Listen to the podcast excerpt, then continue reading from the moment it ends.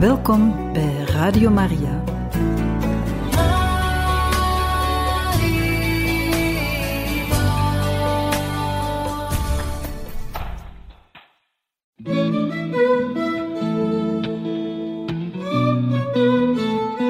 De kerk spreekt. De zorg van een moeder door de eeuwen heen. Een programma van Radio Maria.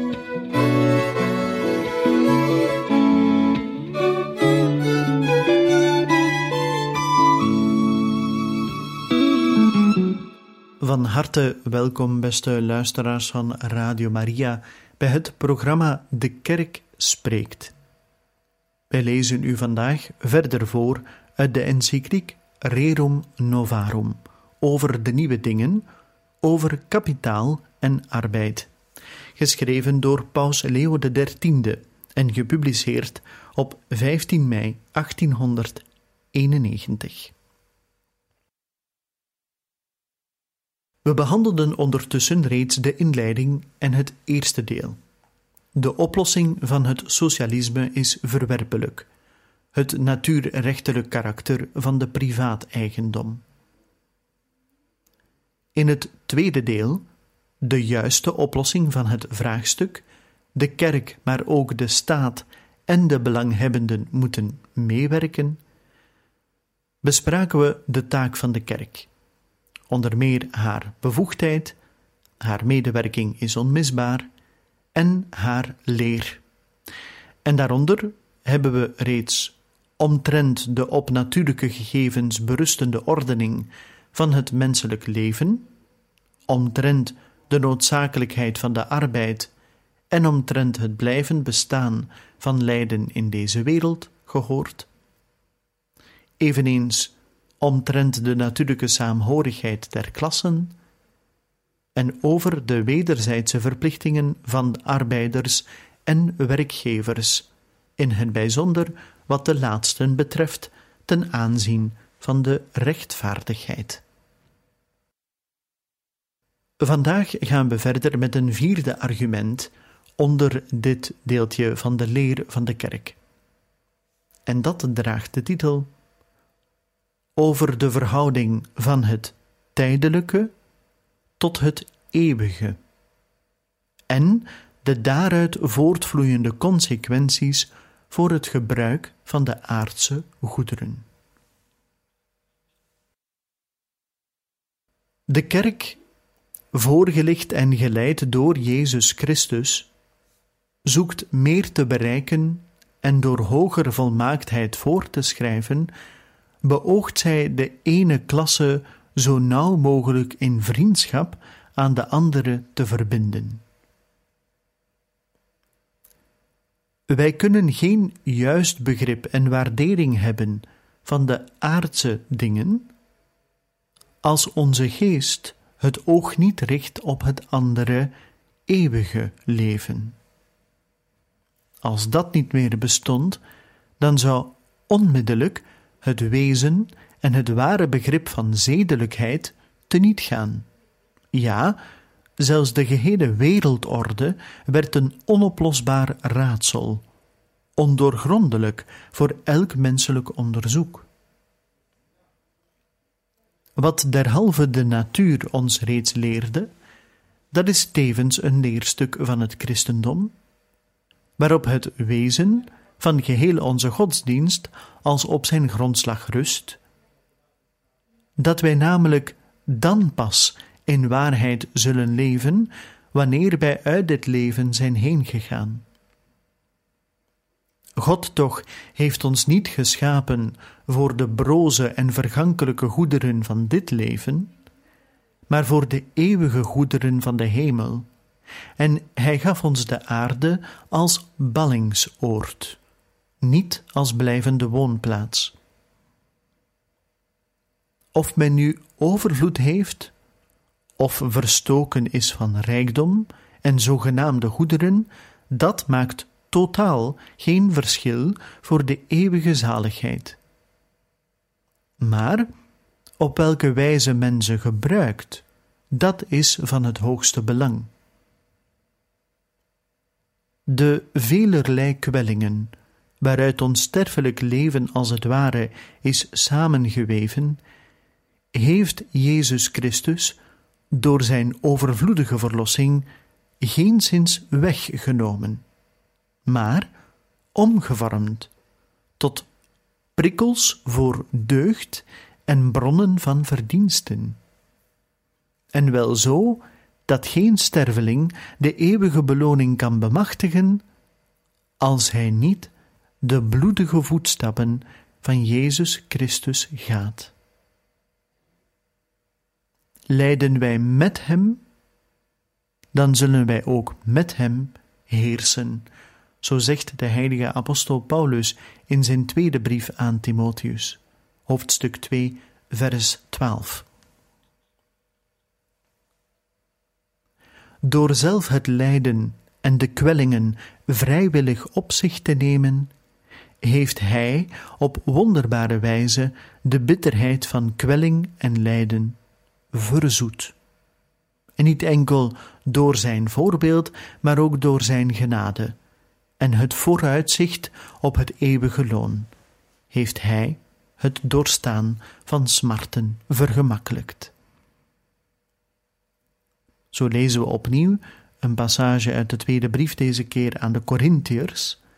Want de tijdelijke, lichte verdrukking verwerft ons een onovertroffen eeuwig gewicht van heerlijkheid. Hoofdstuk 4, vers 17. De rijken worden er dus op gewezen dat rijkdommen geen vrijdom van lijden meebrengen, noch het verkrijgen van de eeuwige gelukzaligheid vergemakkelijken, nee, veeleer belemmeren. Dat het ongewoon dreigen van Jezus Christus de rijken met schrik moet vervullen.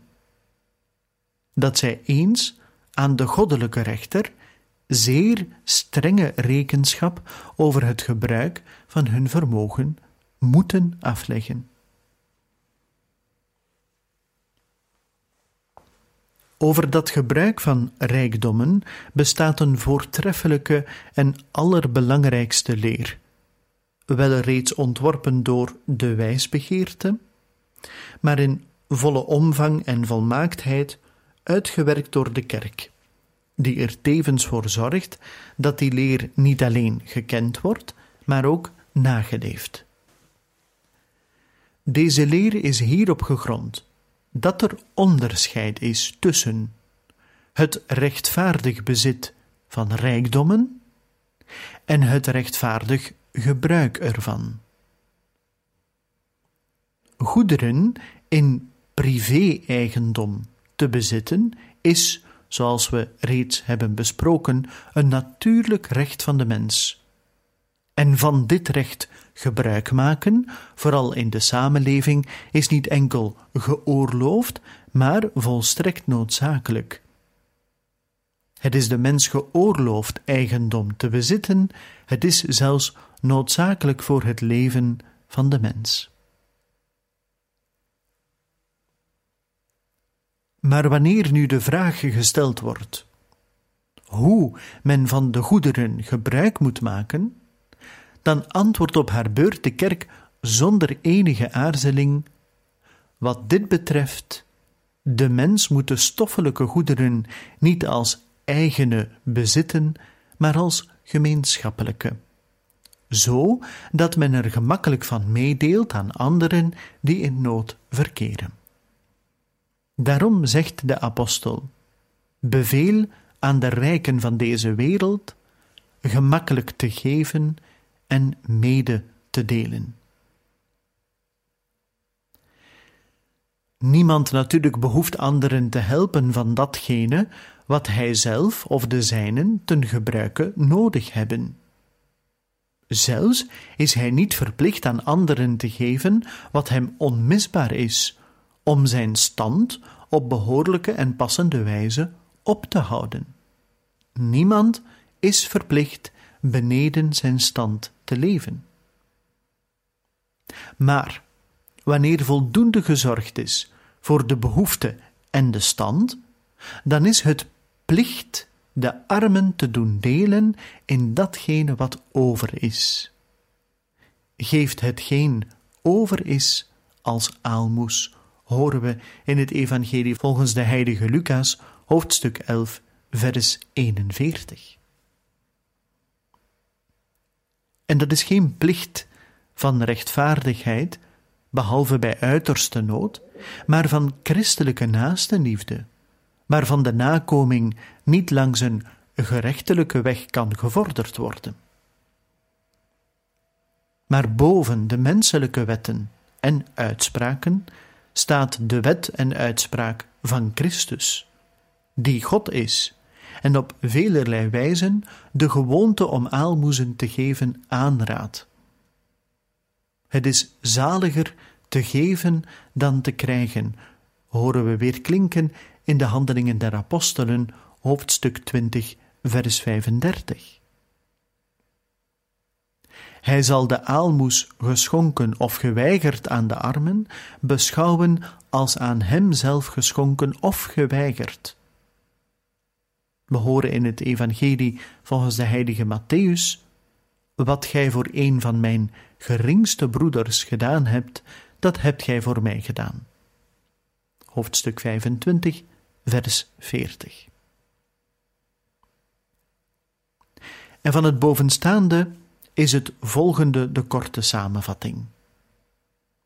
Al wie van Gods milddadigheid een grotere overvloed ontving, het zij van stoffelijke en uitwendige, het zij van geestelijke goederen, heeft ze ontvangen om ze tot eigen vervolmaking en tevens als bedienaar van de goddelijke voorzienigheid tot nut van de andere aan te wenden. Wie derhalve de gave van het woord bezit, wachtte zich wel te zwijgen. Wie overvloed bezit, waken ervoor dat hij niet verflauwt in barmhartige weldadigheid. En wie de kunst van besturen verstaat, streven er met kracht naar om zijn naaste in het nut en voordeel daarvan te doen delen.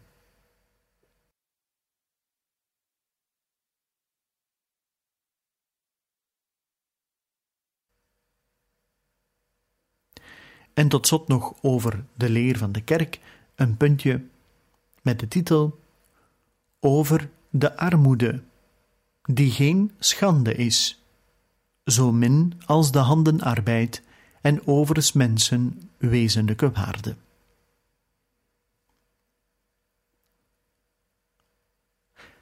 Zij die de goederen van deze aarde missen, worden door de kerk ervan doordrongen dat naar Gods oordeel armoede geen schande is. En dat dus niemand zich hoeft te schamen door handenarbeid in zijn levensonderhoud te voorzien. Dat heeft Christus met der daad bevestigd, die voor de zaligheid van de mensen arm is geworden terwijl hij rijk was. Zo horen we in de tweede brief aan de Corinthiërs opnieuw, hoofdstuk 7, vers 9. En alhoewel zoon Gods en zelf God, wilde hij toch doorgaan en gehouden worden voor de zoon van een werkman. Ja, hij schrok er niet voor terug een groot deel van zijn leven met handenarbeid door te brengen. We horen het in het Evangelie volgens de heilige Marcus. Is hij niet de timmerman, de zoon van Maria? Hoofdstuk 6, vers 3. Wanneer men dit goddelijk voorbeeld beschouwt, ziet men heel gemakkelijk in dat de wezenlijke waarde van de mensen en voortreffelijkheid bestaat in zijn zedelijk gedrag, dat is in deugd. En dat deugd echter het gemeenschappelijk erfgoed is van de stervelingen onder het bereik zowel van de lagere als de hogere klassen, van rijken en armen, en dat het loon van de eeuwige gelukzaligheid slechts geschonken wordt voor deugd en verdiensten, waar die dan ook mogen gevonden worden. Sterker nog, tot de misdeelden schijnt bij voorkeur Gods liefde zich te richten. Jezus Christus immers prijst de armen zalig. Vol liefde nodigt hij degenen die in druk en droefenis verkeren uit om ze te troosten. De kleinen en verdrukten omvat hij met een bijzondere liefde.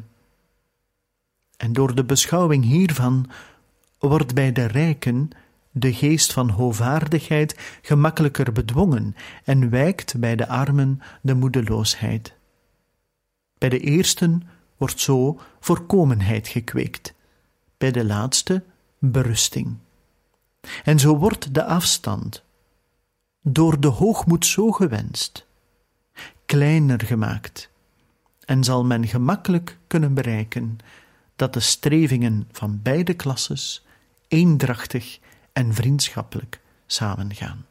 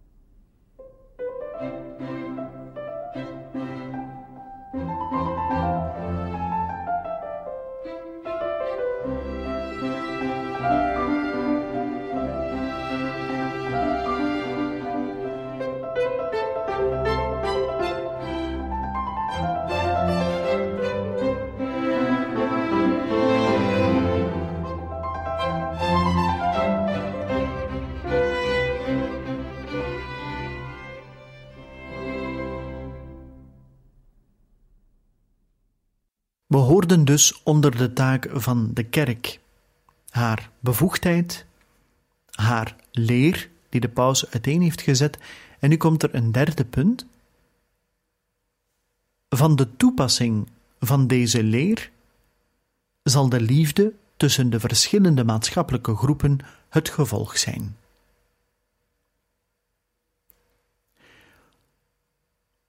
Als zij echter aan de voorschriften van het christendom gehoor geven, dan zullen zij niet slechts door vriendschap, maar zelfs wat heel wat meer is, door broederlijke liefde aan elkaar verbonden zijn. Want zij zullen inzien en begrijpen dat alle mensen, zonder uitzondering door God, hun gemeenschappelijke Vader, geschapen zijn. Dat zij allen streven naar één hoogste goed, God zelf, die alleen en mensen en engelen geheel en volmaakt gelukkig kan maken. Dat eveneens allen gelijkelijk door de genade van Jezus Christus zijn vrijgekocht en hersteld in de waardigheid van kinderen Gods, zodat wij in waarheid met elkander en met Christus, de eerstgeborene onder vele broeders, door de band van broederschap worden samengehouden. Dat tevens de goederen van de natuur en de gaven van de goddelijke genade gemeenschappelijk en zonder onderscheid aan het gehele mensdom toebehoren en slechts onwaardigen van de erfenis van de hemelse goederen worden uitgesloten. Zijn wij kinderen, dan zijn wij erfgenamen ook, erfgenamen van God en mede-erfgenamen van Christus, horen we de heilige apostel Paulus zeggen aan de Romeinen in de brief, hoofdstuk 8, vers 7. Dit zijn de rechten en de plichten, door de christelijke wijsbegeerte verkondigd. Werden deze in de burgerlijke samenleving onderhouden, zou dan niet zeer spoedig alle strijd zijn beëindigd? Een vierde punt onder het ondertiteltje De taak van de kerk krijgen we ook nog haar activiteit.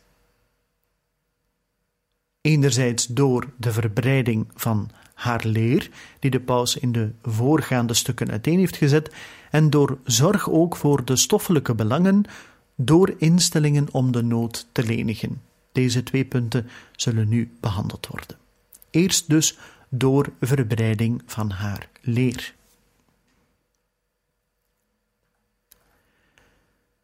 De kerk acht het echter niet voldoende de weg te wijzen waarlangs de genezing te vinden is, maar zij dient ook eigenhandig het geneesmiddel toe. Met alle kracht streeft zij ernaar de mensen naar haar voorschriften en leer te vormen en te onderrichten. Door de medewerking van bisschoppen en priesters laat zij de heilzame stromen van haar leer overal heen leiden. En vervolgens tracht zij in te werken op het hart van de mensen en hun wil gedwee te maken, opdat zij zich door de leer van de goddelijke voorschriften laten leiden en besturen. En te deze zaken, die het voornaamste is en van het allerhoogste belang, omdat zij alle belangen en het eigenlijke vraagstuk geheel omvat, is het voorzeker alleen de kerk die het meest vermag. De middelen immers die zij aanwendt om de harten te bewegen, zijn haar daartoe juist door Jezus Christus geschonken, en bezitten in zich een kracht aan God ontleend. Deze middelen alleen zijn voldoende in staat om het hart in zijn verborgen dieptes te treffen en de mensen te brengen tot gehoorzaamheid aan hun plicht, tot beteugeling van hun driften, tot een buitengewone en volmaakte liefde jegens God en de naaste, en tot een moedige verzaking van alles wat de beoefening van de deugd belemmert. Dit blijkt voldoende als wij ons de voorbeelden van de geschiedenis een ogenblik voor de geest halen. We spreken hier van gebeurtenissen en feiten die boven alle twijfel verheven zijn. De burgerlijke maatschappij immers is door de instellingen van het christendom van de grond af vernieuwd. Door de kracht van deze vernieuwing is het mensdom vooruitgegaan, of liever van de dood ten leven gewekt en opgevoerd tot zulke graad van volmaaktheid als in het verleden niet bereikt werd, nog in de toekomst bereikt zal worden. En tenslotte, Jezus Christus is van deze zegeningen het begin zowel als het einde. Gelijk zij van hem zijn uitgegaan, zo moeten zij alle tot hem worden teruggebracht. Immers, toen de wereld het licht van het evangelie ontvangen had en het groots geheim van de menswording van het woord en de verlossing van het mensdom geleerd had, doordrong het leven van de Godmens Christus de staten en doortrok ze geheel en al met zijn geloof, zijn voorschriften en wetten. En daarom, zo de maatschappij genezing zoekt, dan kan zij die enkel vinden in de terugkeer tot het christelijk leven en de christelijke instellingen. Wanneer immers verenigingen in verval geraken, dan wordt terecht voorgeschreven dat zij haar genezing moeten zoeken in de terugkeer tot haar oorsprong. Want dan is elke vereniging volmaakt, wanneer zij datgene nastreeft en tracht te bereiken waarvoor zij werd opgericht. Zo dat dezelfde oorzaak die de vereniging deed ontstaan, ook het beginsel blijft van haar streven en handelen als zodanig. Daarom betekent afwijken van de eerste opzet verval. Tot die opzet terugkeren genezing. Gelijk van het gehele organisme van de staat, zo ook zeggen wij dit met volle recht van die klasse van burgers die door arbeid hun levensonderhoud vinden, de klasse die verreweg de meerderheid vormt.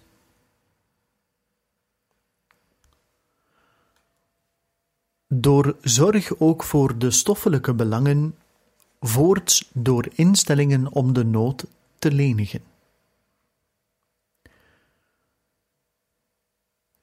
Toch meent men niet dat de zorg van de kerk enkel en alleen gericht is op de heiliging van de zielen, dat zij al dus de dingen verwaarloost die betrekking hebben op het sterfelijk leven hier op aarde. Bepaaldelijk verlangt en tracht zij de proletariërs uit hun beklagenswaardige toestand op te heffen en hun een beter lot te bezorgen. En hiertoe verleent zij een niet geringe medewerking reeds door het feit dat zij de mensen aanspoort en opleidt tot deugd. Want waar de christelijke zeden ongerept bewaard worden, daar verwekken zij vanzelf een zekere voorspoed in het stoffelijke, omdat zij God, de oorsprong en de bron van alle goed, gunstig stemmen. Zij die christelijke zeden gaan het tweevoudig levensbederf tegen, dat maar al te dikwijls de mens juist bij overvloed van rijkdommen ongelukkig maakt. De al te grote zucht naar bezit en de dorst naar genot.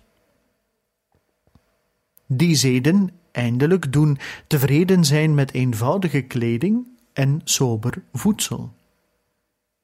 Zij brengen door spaarzaamheid vermeerdering van inkomen en houden de mens verre van de ondeugden, die niet alleen kleine vermogens, maar zelfs zeer grote fortuinen verslinden en uitgestrekte bezittingen vernietigen.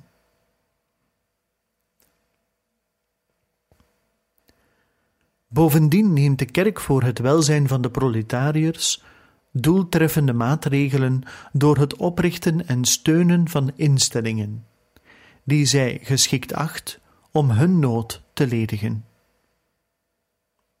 Ja, in deze wijze van weldoen heeft zij altijd zo uitgeschitterd dat zij zelfs door haar vijanden geroemd en geprezen wordt.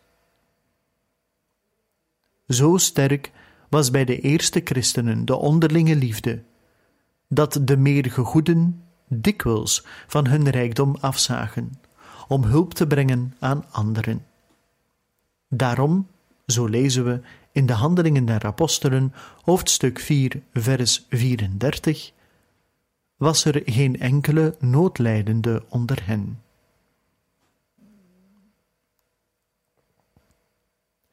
Aan de diakens, een orde speciaal hiervoor ingesteld, werd door de apostelen de opdracht gegeven zorg te dragen voor de dagelijkse uitdeling van de aalmoezen. En de apostel Paulus, alhoewel geheel in beslag genomen door de zorg voor alle kerken, aarzelde toch niet lastige reizen te ondernemen om persoonlijk aan de arme christenen ondersteuning te brengen. Dit soort gelden, door de christenen in elke bijeenkomst uit eigen beweging bijeengebracht, noemt Tertullianus de spaargelden van de liefde, omdat zij besteed werden voor het onderhoud van de armen en hun begrafenis, voor arme wezen, voor oude knechten en dienstboden en eveneens voor schipbreukelingen. Hieruit ontstond langzamerhand dat erfgoed, het welk de kerk met nauwgezette zorg als het vermogen van de armen bewaard heeft. Ja, zelfs heeft zij niet geschroomd te bedelen en zich al dus ondersteuningsmiddelen voor de noodlijdenden verschaft. Zij immers, de gemeenschappelijke moeder van rijk en arm, deed overal de liefdadigheid zo hoog stijgen als nooit tevoren, en stichtte verenigingen van kloosterlingen en zeer veel andere nuttige instellingen, zodat door haar hulpverlening bijna geen vorm van ellende zonder verzachting bleef. Wel zijn er tegenwoordig velen die, gelijk eertijds de heidenen deden, aan de kerk deze zo hoog opgevoerde liefdadigheid zelfs verwijten. En dan willen zij in de plaats daarvan stellen een weldadigheid geregeld door staatswetten. Doch nooit zullen louter menselijke middelen, de christelijke liefdadigheid, die zich geheel aan de dienst van anderen wijdt, kunnen vervangen. Die heldhaftige liefde bezit enkel de kerk, omdat zij slechts geput wordt uit het allerheiligste hart van Jezus. Wie echter de kerk verlaten heeft, dwaalt zeer ver van Christus af.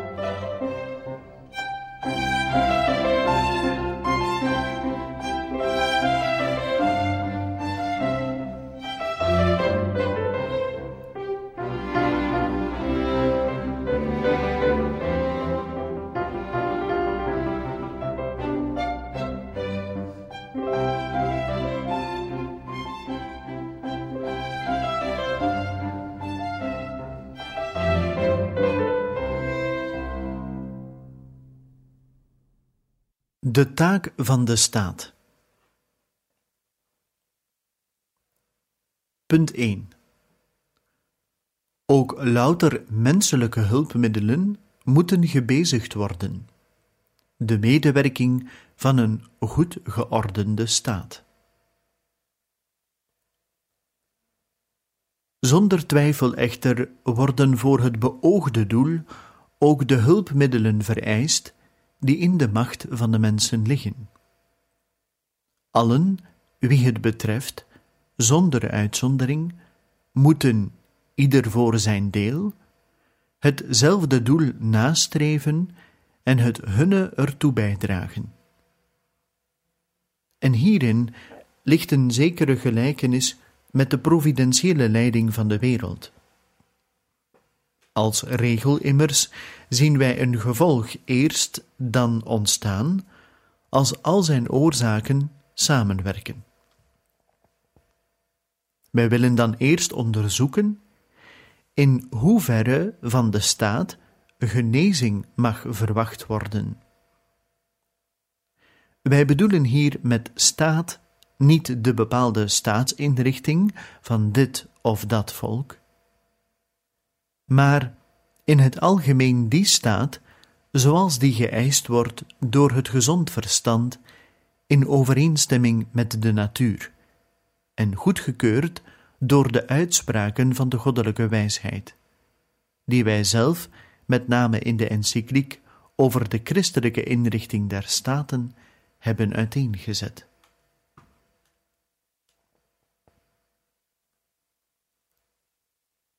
Punt 2 Reeds door de geest van zijn wetgeving en bestuur zorge de staat voor het algemeen welzijn.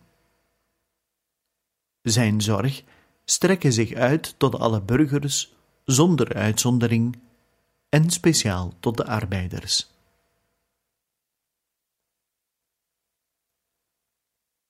Het staatsbestuur moet dan voor eerst in het algemeen en in alle opzichten zijn medewerking verlenen, door de gehele geest van zijn wetten en instellingen, door namelijk te zorgen dat reeds uit de inrichting en het bestuur van de staat de welvaart, zo van de gemeenschap als van de individuen, vanzelf opbloeien.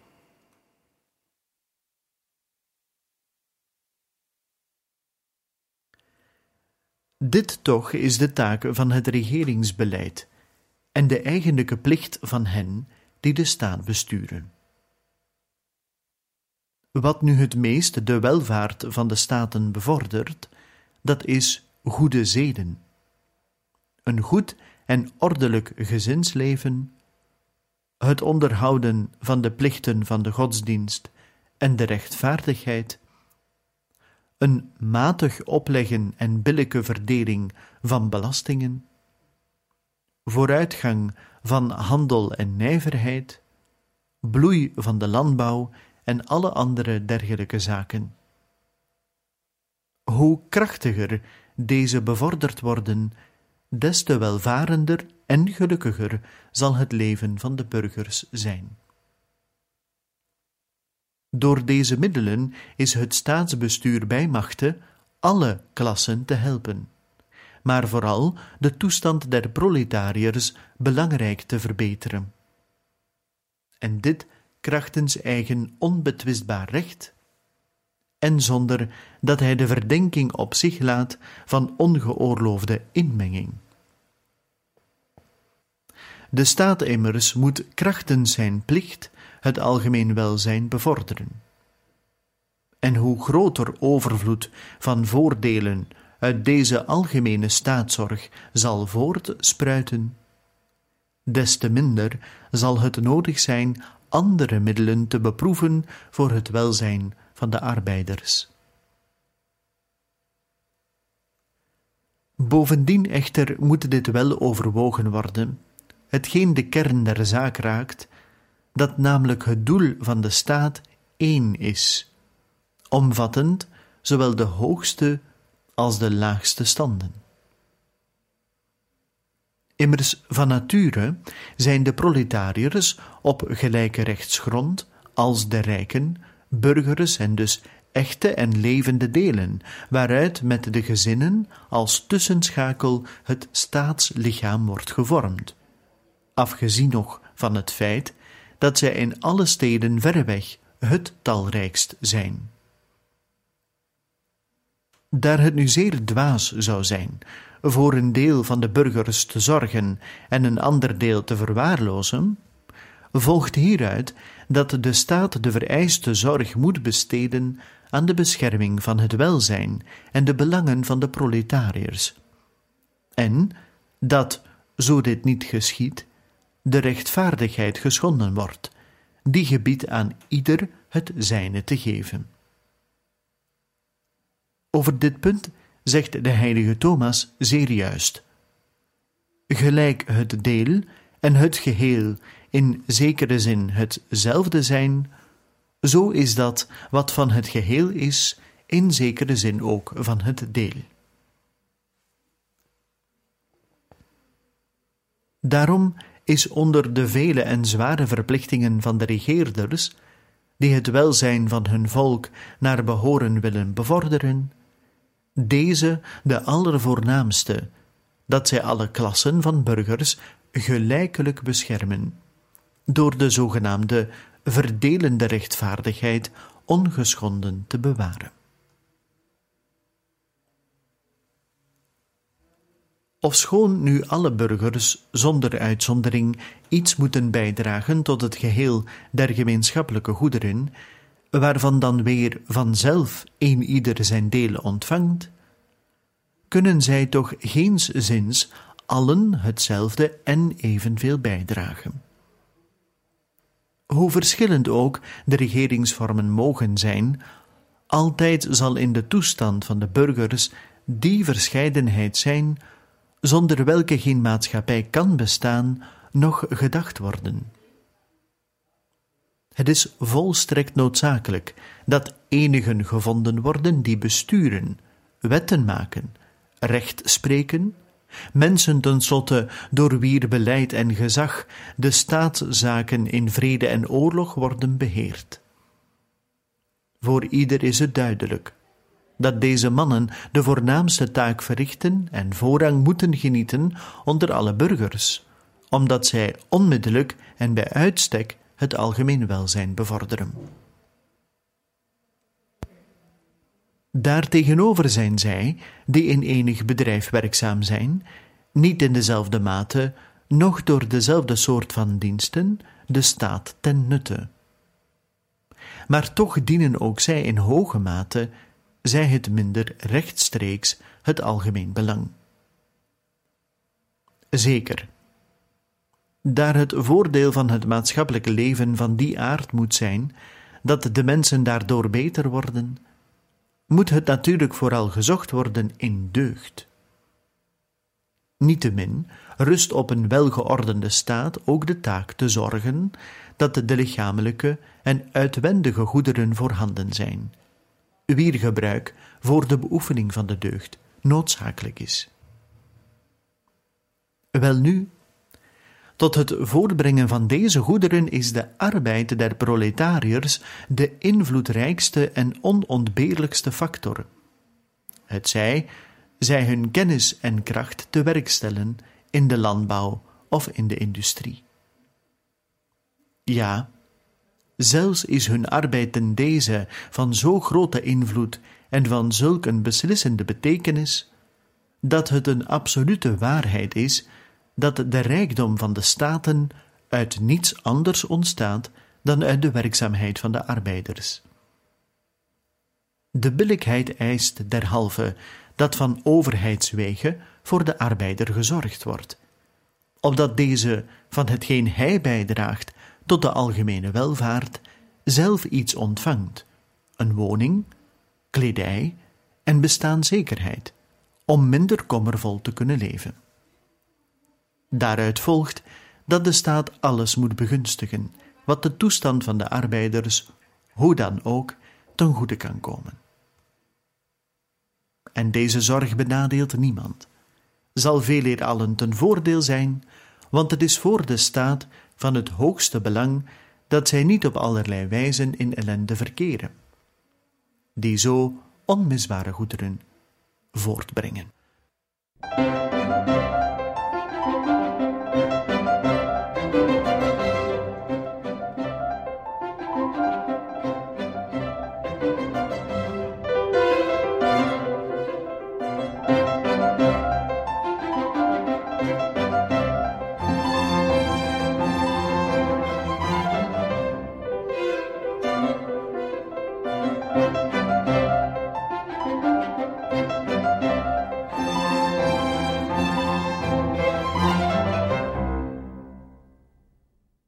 Recht en plicht van de staat tot ingrijpen in talrijke aangelegenheden van individuen en groepen. De burgers, noch de gezinnen mogen, zoals we reeds hebben gezegd, geheel opgaan in de staat. Aan beide moet de bevoegdheid gelaten worden om vrij op te treden, in zoverre daardoor geen afbreuk gedaan wordt aan het algemeen welzijn, noch aan iemands recht. Het is evenwel de taak van de staatsoverheid, de gemeenschap en de delen ervan te beschermen.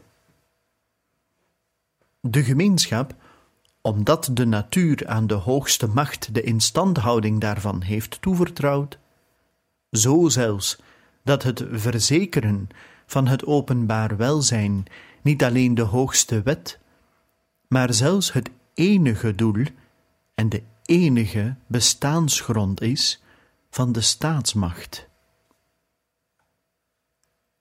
De delen verder, omdat volgens de eenstemmige leer van de wijsbegeerte en het geloof, het besturen van de staat van nature niet ten doel heeft het voordeel van hen wie dit bestuur is toevertrouwd, maar van hen die eraan onderworpen zijn.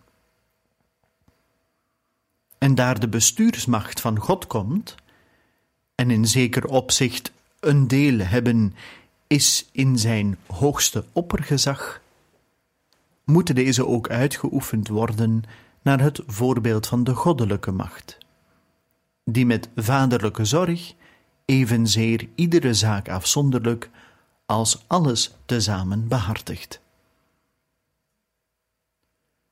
Mocht dus het algemeen belang of de belangen van de afzonderlijke klassen geschaad zijn of bedreigd worden, zo dat het op geen andere wijze kan hersteld of afgeweerd worden, dan moet het staatsgezag ingrijpen. Welnu, en voor het algemeen welzijn, en voor dat der individuen is het van belang, dat er vrede en orde heersen. Dat de gehele inrichting van het gezinsleven in overeenstemming is met Gods bevelen en de beginselen van de natuurwet. Dat de godsdienst geëerbiedigd en nageleefd wordt dat reinheid van zeden heerst in het openbare en in het particuliere leven. Dat de rechtvaardigheid ongeschonden bewaard wordt en dat men elkaar niet ongestraft in zijn rechten krenkt. Dat een krachtig geslacht van burgers opgroeien in staat om, als de omstandigheden het eisen, de staat te helpen en te beschermen. En daarom indien te eniger tijd onlusten zouden dreigen, omdat de arbeiders het werk neerleggen, of volgens afspraak in staking gaan, indien de natuurlijke familiebanden bij de arbeiders verslappen, indien de godsdienst bij de werkende klasse wordt tekort gedaan, doordat hun niet voldoende gelegenheid geboden wordt tot vervulling van hun godsdienstplichten, Indien op de werkplaatsen gevaar dreigt voor de reinheid van de zeden, doordat mannen en vrouwen niet gescheiden arbeiden of door andere verderfelijke aanlokselen tot zonde, indien de werkgevers de arbeiders onder onbillijke lasten gebukt doen gaan en radeloos maken door arbeidsvoorwaarden in strijd met hun menselijke persoon en waardigheid, als hun gezondheid schade mocht lijden door al te zware arbeid, of door arbeid niet aangepast aan hun sekse of leeftijd, in al deze gevallen moet zeer zeker, zij hij dan binnen bepaalde grenzen, de krachtige en gezagvolle hulp van de wetten worden ingeroepen. En die grenzen worden bepaald door het doel, waarvoor de hulp van de wetten gevraagd wordt. De wet namelijk moet niet meer willen regelen, noch verder gaan dan nodig is voor het herstel van de nadelen of het afweren van het gevaar. De rechten, wie ze dan ook bezit, moeten nauwgezet gehandhaafd worden. En door onrecht tegen te gaan en te straffen, moet de openbare macht zorg dragen dat ieder in het bezit blijft van het zijne. Evenwel bij het beschermen van de rechten van de individuen moet vooral de aandacht geschonken worden aan de geringen en de armen. Want de klasse van de rijken is door eigen middelen beschut en heeft dus de bescherming van de staat minder nodig. Maar de misdeelden, niet beveiligd door eigen vermogen, steunen vooral op de bescherming van de staat. Daarom moet deze zijn bijzondere zorg en waakzaamheid uitstrekken tot de loonarbeiders, daar deze tot het groot aantal van de bezitlozen behoren. En zo, dierbare luisteraars, zijn we aan het einde gekomen van deze aflevering van De Kerk Spreekt. Een volgende keer gaan wij verder met het laatste puntje, zeg maar, van dit uh, tweede onderdeel van het tweede deel, de taak van de staat, afzonderlijke vermeldingen verdienen. Onder meer gaat het over de bescherming van privaateigendom, voorkomen van stakingen, verdediging van de belangen der arbeiders en nog veel meer. En dan zullen we ook nog de taak der belanghebbenden bespreken in deze encycliek Rerum Novarum. Over de nieuwe dingen, geschreven door Paus Leo XIII en gepubliceerd op 15 mei 1891. We danken u van harte voor het luisteren en graag tot een volgende keer.